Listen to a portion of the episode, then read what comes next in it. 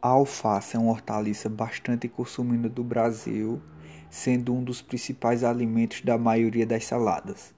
Sabe-se que a mesma era conhecida no Antigo Egito e foi trazida para o Brasil pelos portugueses no século XVI.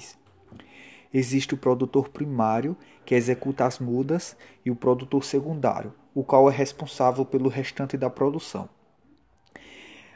É, as alfaces são plantas com um perfil radicular curto, gostam de solos que têm uma boa umidade e uma boa drenagem.